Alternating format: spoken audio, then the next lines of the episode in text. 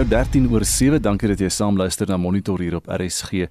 Nou die wêreld het protesoptogte in Venezuela al gewoond geraak. Volgens die VN het een uit elke 3 Venezuelane nie genoeg om te eet nie weens Nicolas Maduro se diktatuur wat sy eie sakke vul.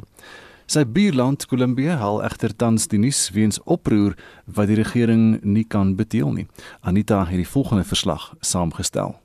Kolumbie loop behoorlik deur onder betogings wat duisende burgers van alle ouderdomme en vanuit alle klasse betrek. Reeds in September verlede jaar was daar oproer nadat 'n standbeeld van die Spaanse konkistador Sebastián de Belalcázar, wat die pragtige kultuurstad Popayan suidwes van Bogota gestig het, sonder seremonie onthoof is. Die spesifieke betogings was geskoei op 'n gevoel van wroging teenoor kolonialisme. Vanjaar het die spulpunt egter verskuif na president Ivan Duque Marquez se hantering van die COVID-19 pandemie, so verduidelik professor Lyle White van die Brento Stichting in Johannesburg. The disenchantment of the way that the government has handled the pandemic and subtle rises in bus fares and the cost of living. And this has brought people onto the streets of Bogota, from Bogota to Medellin, but specifically in Cali. Cali has been the epicenter of the protests in Colombia. And Colombia, despite what most people believe, has been a relatively stable and peaceful democracy in Latin America over the last 10 years. But you see these remnants of protest and what will ensue as populism coming forward. People are taking to the streets. They are not happy with the way the government has handled the pandemic and are now expressing themselves. And there's widespread disenchantment with the political system in Colombia. Intussen blyk dit asof Peru se voormalige omstrede president Alberto Fujimori se dogter Keiko nie die pyp gerook het in die pas afgelope verkiesing nie. Die linksgesinde Pedro Castillo het 60 000 stemme meer getrek as die konservatiewe Fujimori, wie se styl baie op die van haar pa se geskoei is. Alberto Fujimori was van Julie 1990 tot November 2000 president van Peru. Die 51-jarige Pedro Castillo is 'n onderwyser en vakbondleier wat nie uit 'n politieke dinastie soos Keiko Fujimori kom nie. Hy het egter sy mede-Peruviane se aandag getrek deur beloftes om die land se grondwet te herskryf. Keiko Fujimori beweer nou dat daar met die verkiesingsuitslae geknoei is, alhoewel die Organisation of American States wat verkiesings in die westelike halfrond moniteer, geen bewys van bedrog kon vind nie. Very interesting story emerging from Peru. Fujimori, who was the president and the controversial president through the 1990s that took Peru to neoliberal reforms, his daughter has come to the fore as one of the front running candidates pretty much campaigning off the same platform that her father campaigned off. A very tight election ensued, and she has now run off against a socialist candidate who seems to have clipped her at the line. The numbers are still coming in, but it looks like Peru is swinging slightly to the left, which is contrary to some of the other countries in Latin America, especially Mexico, as you know. En van Lima na Mexico stad waar die adjunk-Amerikaanse president Kamala Harris pas samesprekings met president Andres Manuel Lopez Obrador gevoer het. Harris sê die samesprekings beskryf as openhartig en die gesprekvoering was geskoei op veiligheid, COVID-inentings, die pandemie self en die verspreiding van die dwelm fentanyl, 'n sintetiese variant van morfine. Very, very interesting talks. Obviously, Mexico always so far from God, but so close to the United States, as they say, for that large country. Perhaps now, because of the, the economic downturn in Brazil, arguably the largest economy in Latin America. Lopez Obrador, a left leaning candidate, also called a left leaning populist. He is now making waves with the U.S. administration, seeing where he can actually bind closer to the Democrats in the United States. What has happened, though, is Mexico's handling, or Lopez Obrador's handling of the pandemic, has left many Mexicans outside of the formal economy and also given Mexico some of the highest death rates in the whole of Latin America. Latin America, as we know, has handled the pandemic particularly badly. But all the same, they are opening talks with factions within the Democratic Party and perhaps kindling some of the problems that they've uh, faced as a neighboring country with the United States. There are problems all the way from free trade agreements to migration issues that stretch not only from the United States through Mexico, but all the way down into Central America. Intussen het die goewerneur van Texas, Greg Abbott, beloof om 'n muur tussen die deelstaat en Mexiko te bou. Abbott is al sedert 2015 goewerneur van Texas en was voorheen die prokureur-generaal daarvan. Hy sê daar is reeds 1 miljard Amerikaanse dollar vir grenssekuriteit op sy gesit. Ontleeders is egter onseker of Abbott oor die mag beskik om so 'n stap eensaidig te neem. Die sogenaamde American Civil Liberties Union of Texas het die plan skerp gekritiseer en sê Abbott wil net die aandag aftrek van sy tekortkominge as goewerneur deur te fokus op weerlose immigrante. En dan terug na Suid-Amerika.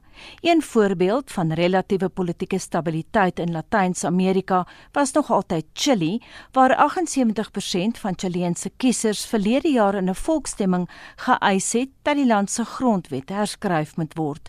'n Tweede volksstemming hieroor het op 15 en 16 Mei vanjaar plaasgevind en weer eens was dit Chili se jeug wat hulle stemme laat hoor het, so sê professor Lyle White. They are redrawing the constitution. It's a participative process. But in that process, the youth are rising up, protesting against the political establishment once again. Not only the elites on the right, but the elites on the left.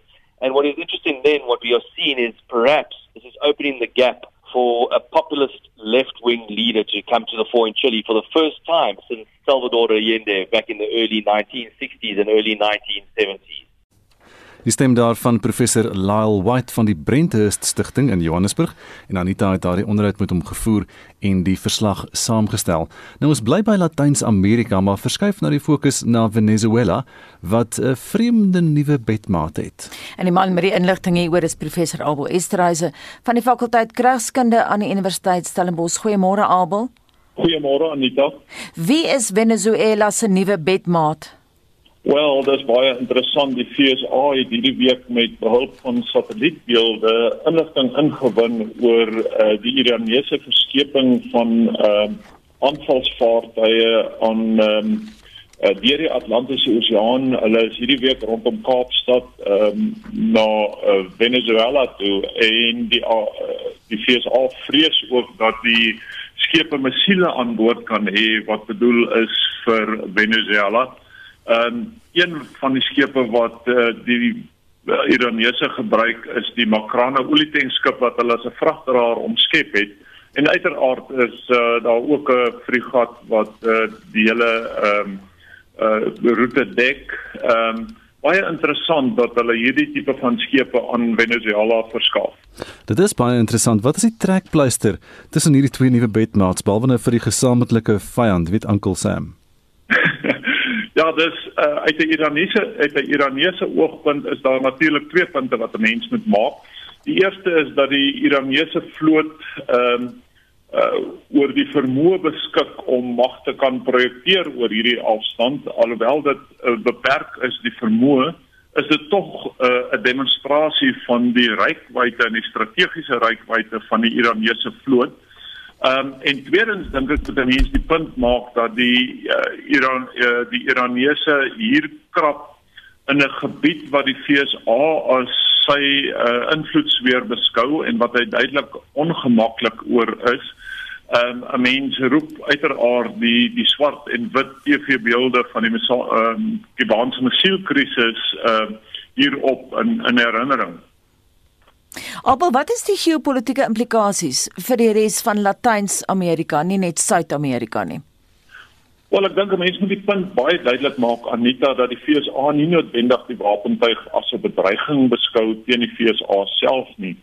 Maar ek dink die die Amerikaners se ongemak spruit uit Iran se inmenging in die westerse hemisfeer en wat Amerika duidelik as sy invloedsfeer beskou.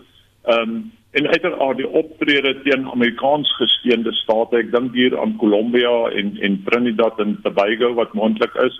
En natuurlik tussen Cuba en Venezuela ehm um, het hulle groot invloed uh oor die toegang tot die Panama kanaal en ek dink dit is waarskynlik vir Amerika ehm um, ook 'n ongemaklike situasie. Ons weet uh, dat soos Iran Venezuela swaar gebuk gaan onder sanksies van die FSA En uh, dit wil voorkom asof uh, Caracas die situasie nou gebruik in 'n in 'n poging om um, amper verligting te kry van die Amerikaanse sanksies omdat Amerika eintlik druk nou probeer uitoefening om hierdie hierdie wapenoordrag te stop. Dis baie interessant die Noord-Amerikaners waar jy nou verwys na presies hoe benoud is hulle in Washington oor wat hier aan die gang is hierdie gevryheid tussen Teheran en en Caracas is is hulle benoud of is hulle nie benoud nie?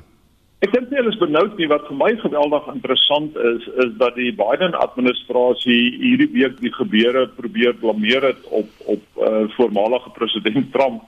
Uh, die luisteraar sal onthou dat hy die FSA onttrek het aan die kernooreenkoms met Iran en hernieude sanksies ingestel het teen teen teen uh, Iran. Maar wat Venezuela betref, het Trump ook sy steun onttrek um, in die erkenning van Maduro as president in die, in, in Venezuela. Um, om daarvan beskuldig dat hy in essensie die verkiesing gekaap het en uiteraard ook hernieude sanksies uh, ingestel het teen um, teen Venezuela. Abel president Ivan Duque van Kolumbie het sy eie hande op die oomblik vol met uh, al die probleme in sy land. So hy stuur hom nie op die oomblik verskillik baie aan wat gebeur in Venezuela nie. Maar wat sê die res van uh, Suid-Amerika oor hierdie noue bande tussen Caracas en Tehran? Wel, dan mens moet in gedagte hou dat Venezuela en en uh, Iran in baie baie soortgelyke strategiese situasies hulle self bevind op die oomblik. Ehm um, hulle is baie geïsoleerd, hulle ekonomie is is ehm um, in in groot probleme. Ehm um, en hulle hulle staan beide ehm um, Amerikaanse sanksies in die gesig. So hulle het baie in gemeen. Ehm um, en natuurlik ehm um, jy weet Iran se se invloed ehm um, en en die verspreiding van van ehm um, ongereelde optrede, ek wil amper sê terreur tipe van taktik ehm um, na die na die Venezuela toe uh, sal ehm um, uiteraard nie net die FSA nie maar ook uh, Suid-Amerika en sy buurlande ontstel. Ehm um, miskien is dit belangrik dat 'n mens 'n punt maak rondom die tipe van vaartuie wat die Iranese lewer en en hoe hulle gebruik word. Ons moet ons moet in gedagte hou dat die Iranese revolusionêre vloot hierdie tipe van klein uh bote gebruik as as ongereelde en vir ongereelde maritieme operasies, ehm uh, sogenaamde swarming tactics. Ek ek weet nie hoe mense dit moet betaal vertaal nie. Baie ja. nesagtige taktiek waarskynlik mm -hmm. Wat hulle gebruik om om om skepe mee ehm um, te tuister wil ek wil ek amper sê. En en in die omgewing waar ehm um, Venezuela om bevind is daar geweldige uh ehm uh, uh, skeps skeps uh, vaartuie en en en geweldige ehm uh, skepsvloei so ja. dit kan gevaarlik wees in in daardie omgewing. Dis juist waaroor ek wil vra nou daardie hele gebied is baie groot en strategies mens besef nie hoe naby is die Panama kanaal aan Venezuela nie en al daardie internasionale handel wat daardeur moet beweeg. Hoe belangrik is hierdie kwessie ook vir die ander lande in hierdie streek? Mexico is ook net daar. Wel, die die die realiteit hier is dat tussen Cuba en Venezuela sit jy eintlik met twee state wat ek wil amper sê die ingang tot die die die uh, die golf van Mexico en eintlik die die Panama kanaal beheer.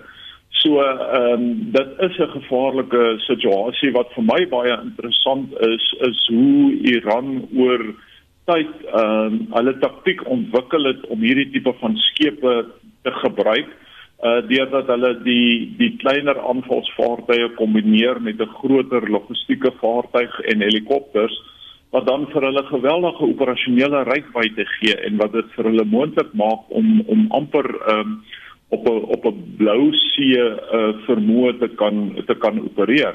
En dit gee vir Venezuela 'n uh, geweldige invloed uh in daardie streek op op see.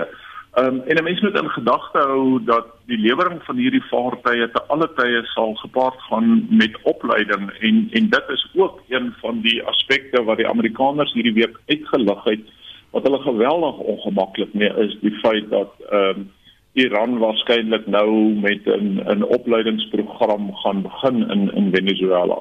Baie dankie en Susie professor Abel Esterhuise van die fakulteit Kraskunde aan die Universiteit Stellenbosch.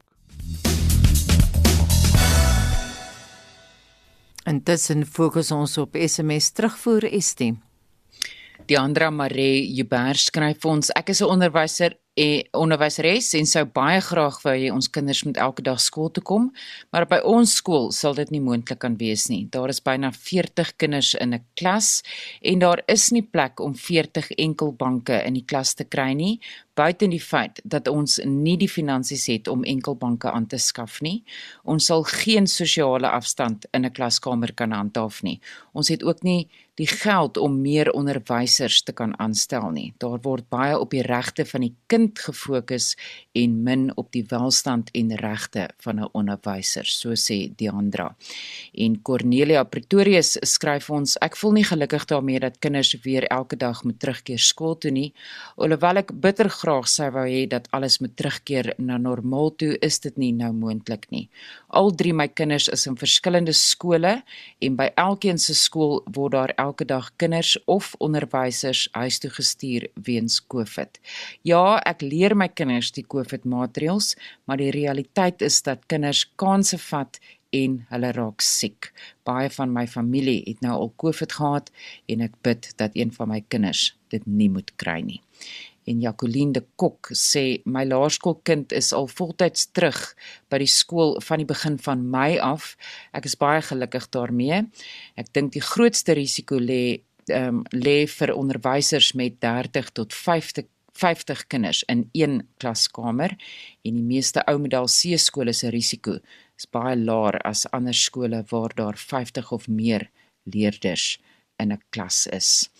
Ons wil by ons ouers vandag weet, voel jy gerus dat jou laerskoolkinders van volgende kwartaal af, dis nou van die 26ste Julie af, weer elke dag moet teruggaan skool toe en nie meer op 'n rotasie rotasiebasis um, kan skool gaan nie en as onderwyser wat is jou bekommernisse is daar genoeg ondersteuning vir julle in die uitvoering van julle taak en is dit haalbaar dat leerders weer elke dag moet terugkeer skool toe veral in die lig dat COVID-19 infeksies toeneem.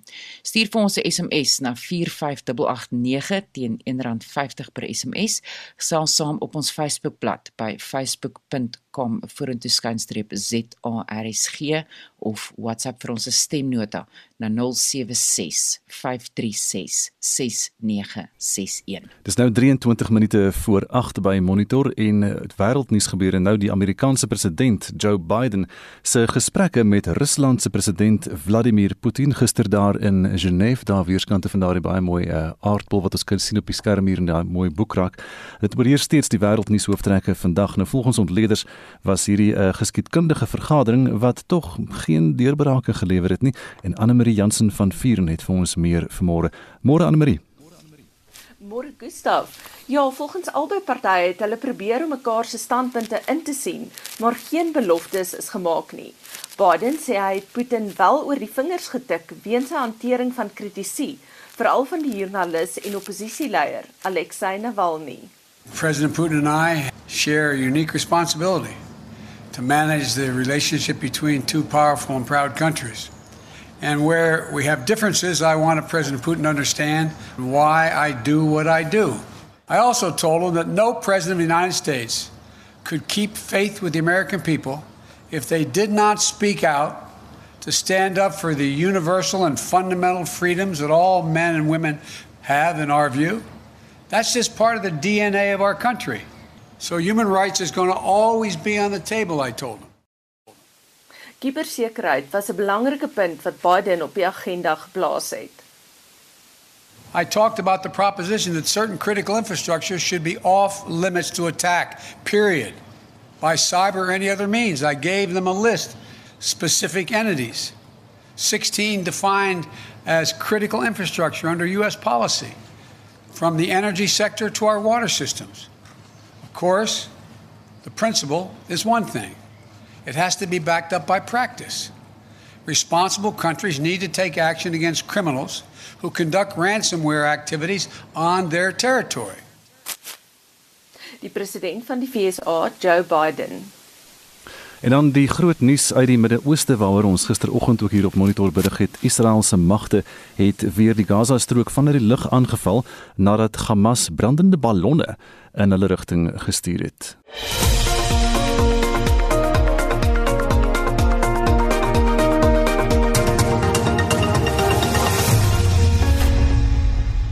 Voortrekkermonument in Pretoria het onlangs vir die eerste keer in meer as 'n jaar 'n buitelandse toergroep verwelkom terwyl daar streng COVID-19 regulasies toegepas is.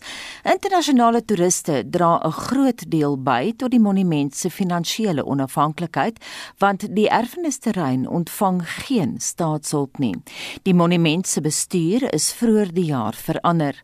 Dr Dani Langner van die Federasie van Afrikaanse Kultuurverenigings is nou in beheer van die omkeerstrategie by die monument.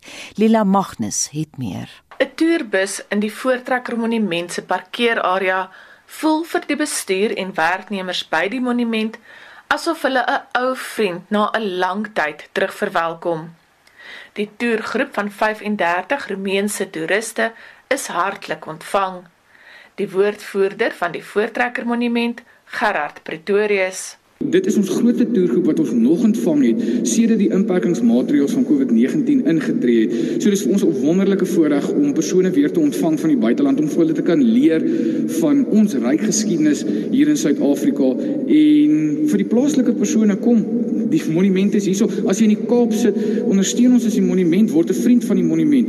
Dit is dit is nou is ooit is dit meer nodig dat mense monumente en ons geskiedenis en kultuur ondersteun. Plaaslike toeriste is ook besig om al hoe meer die monumente besoek. 'n Groep inwoners van 'n aftreeoord in Hartbeespoort in Noordwes het besluit om terug te loop op hul paaie en by die Voortrekker Monument opgeëindig. Die 80-jarige Susan Malan het as klein dogtertjie die inhuldiging van die Voortrekker Monument op 16 Desember 1949 bygewoon. Ons het 'n week voor die inhuldiging gekom, het ons die tente opgeslaan en ons het in die tente gebly tot die dag van die inhuldiging. Uh my moeder het vir ons buitekant vuur gemaak en ons het pap gemaak en ons het soos die voortrekkers probeer lewe daai tyd. Dit was eintlik dit was eintlik baie goed, baie lekker geweest. Janie Venter is 85 jaar oud. Hy sê tydens die inhuldiging het hy as voortrekker bag gestaan en gehelp met skadebeheer. Wat ek onthou is die is die mense wat opgedaag het hierso, die massa mense en en ons as voortrekkers wat diens doen by die verskillende ingange om om uh, die dinge bietjie te kalmeer dat die mense nie met instorm en skwaad of skade aanrig nie en veral daar onder by die Ossewa daar ons moes ons goed wagsaam want daar is te veel boere gewees wat gesê dit en dat en dit omtrent die Ossewa. Albei se gedagtes het ver baie teruggeloop toe hulle deur die enorme houtdeure van die monument stap. En toe ek in die monument se deur instap, was dit vir my was ek baie bewoog. Want dit vir my ek was baie gewyd gewees. So dis eintlik dis Nou is ek maar weer bewoon, maar dit was my wonderlik geweest om weer hier te kom na al die jare. As jy hier inkom, eh, kry jy daai gevoel jy's klein, dit is asof jy binne in jou klein kring. En uh, en jy beleef weer daai eerste dag toe jy hier gekom het, veral die dag met die inwyding van die monument. Pretoria sê hoewel hulle baie bly is internasionale toeriste begin stadig maar seker terugkeer dit vir die Voortrekker Monument baie belangrik is dat Suid-Afrikaners weer die monument begin besoek om hul geskiedenis en herkoms te herontdek. Ek is Lila Magnus vir SAK nuus in Pretoria. Ons nou kwart voor 8 uur by Monitor op RSG en ons gaan nou probeer voortgaan met ons wêreldnuus met Anne Marie Jansen van Vuren wat ons nou nou verloor het.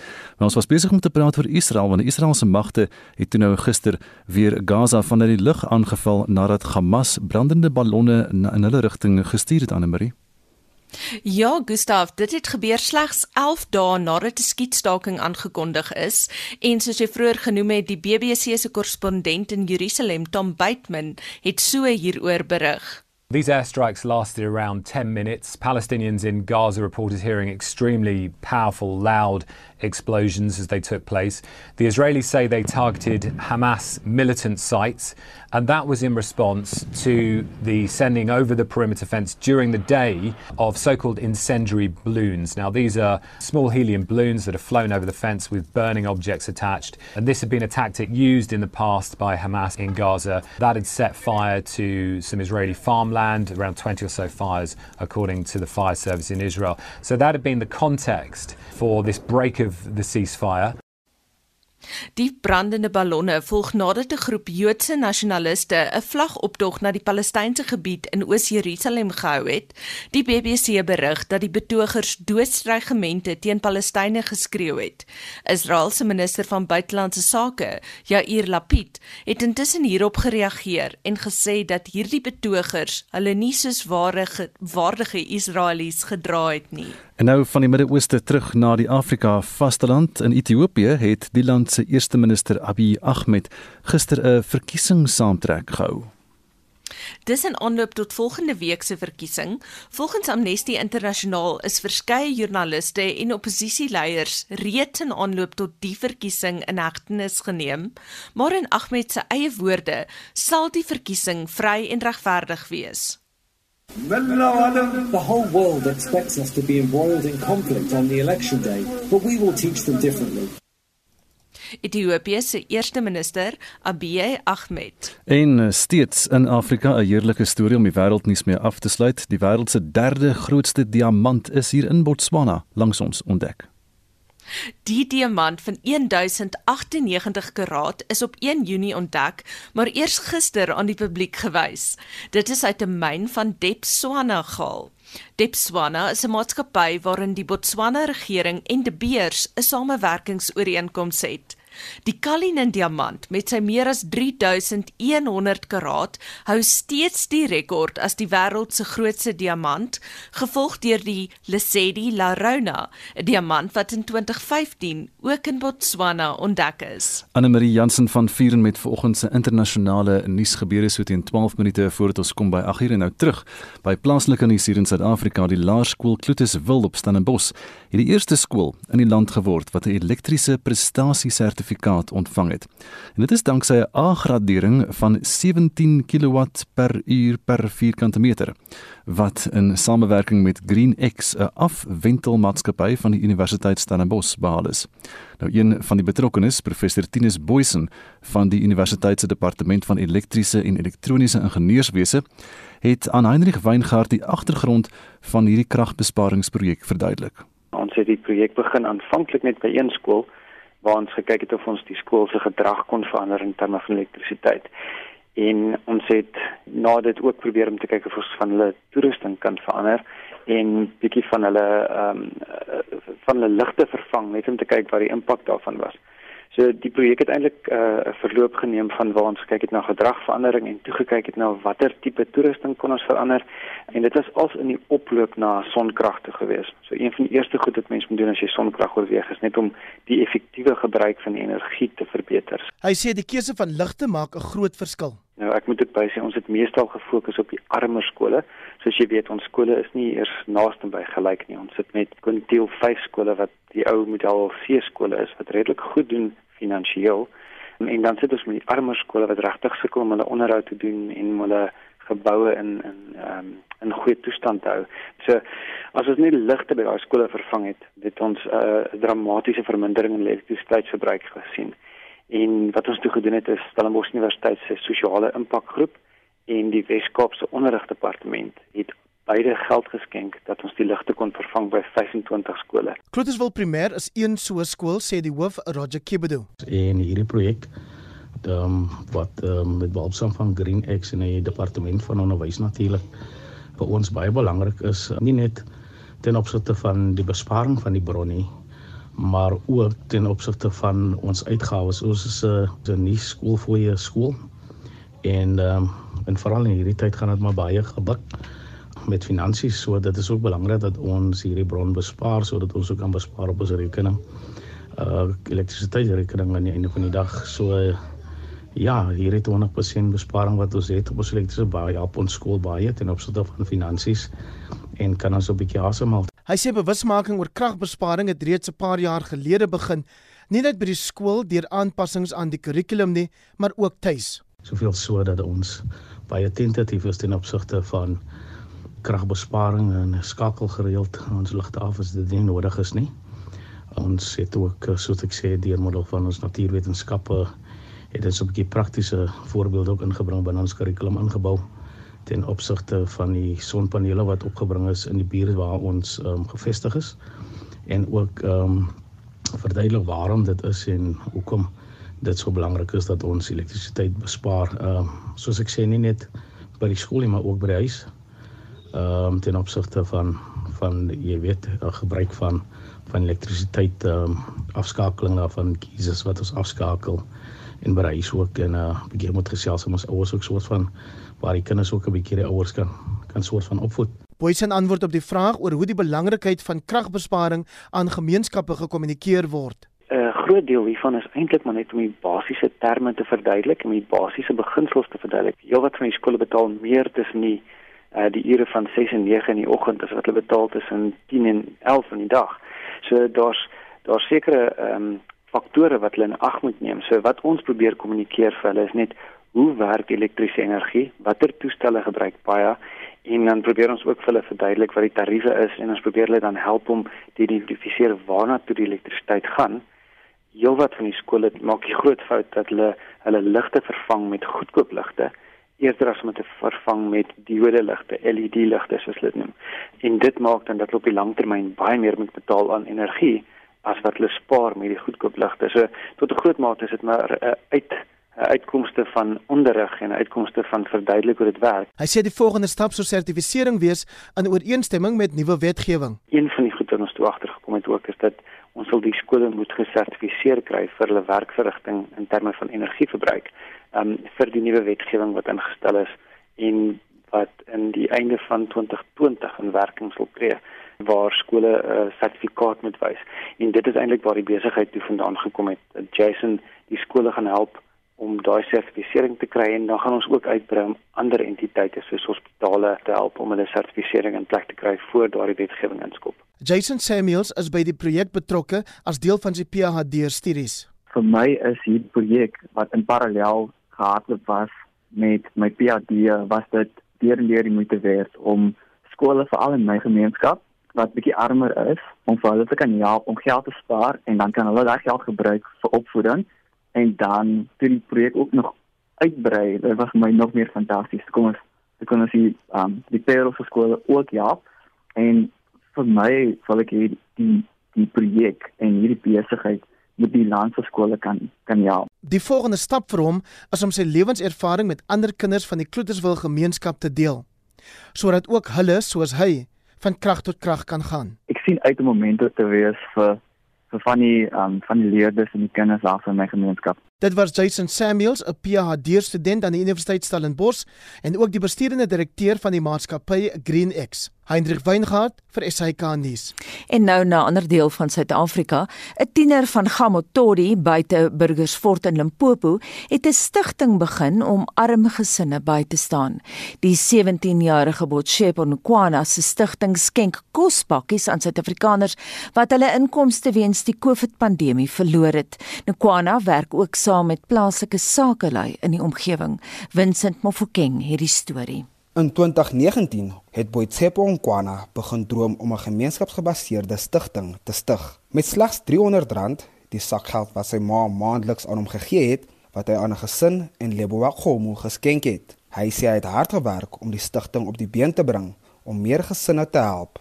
It was on 2019 when he was donating for the homeless people around Leboakgomo. So my mother was sending me money monthly for schooling. So I used that money to donate after I was inspired. And that amount, I think it was about 300 rand that I used to donate. That was my first donation. Nkwana sê die COVID-19 pandemie het hom ooreed om nog harder te werk om ander items soos klere aan te skaf en aan verskillende gemeenskappe te skenk. You know, this pandemic actually touched us a lot because we were getting calls every day from people telling us we don't have food, we don't have that. So, us as Nkwana Foundation, we tried our best to assist them. Die stigting werk saam met verskillende rolspelers soos nie-regeringsorganisasies en private ondernemings.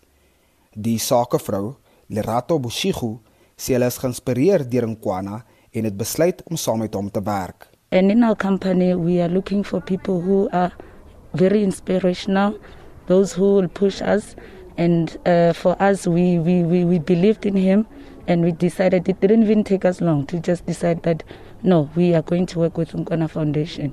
He's very inspiring. Sommige begunstigdes van kospakkies by 'n sorgsentrum vir gestremdes sê hulle is dankbaar vir die jong man se hulp. We are very thankful. He must keep up the great work. He must not stop here. He must continue to donate. We are very happy to have received the food. Nkwana must also help others.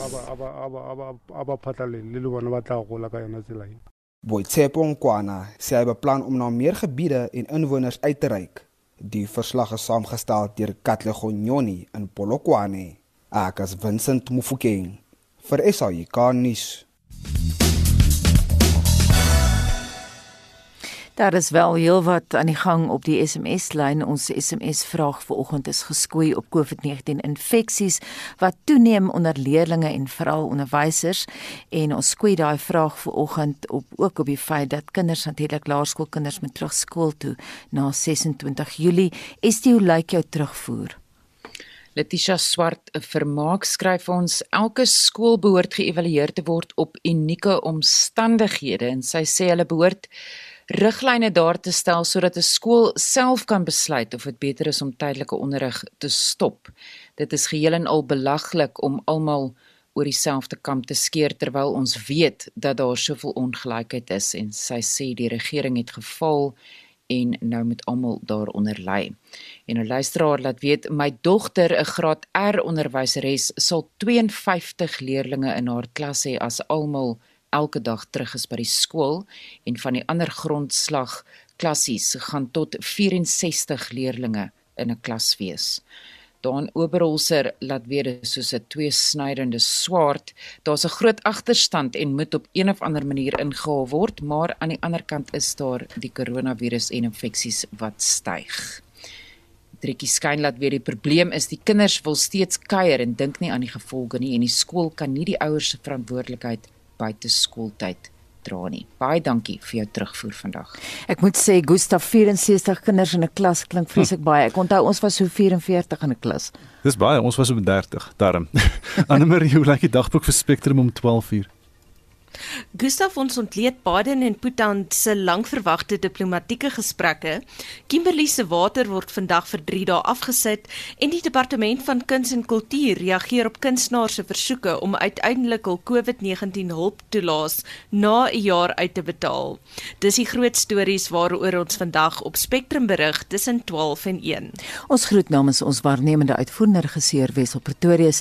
Die redakteur vanoggend was Jean Esterhuizen, ons produksieregisseur Daltron Godfrey. My naam is Anita Visser. En ek is Gustaf Vreiding hier is Elena met die 8 uur nuus.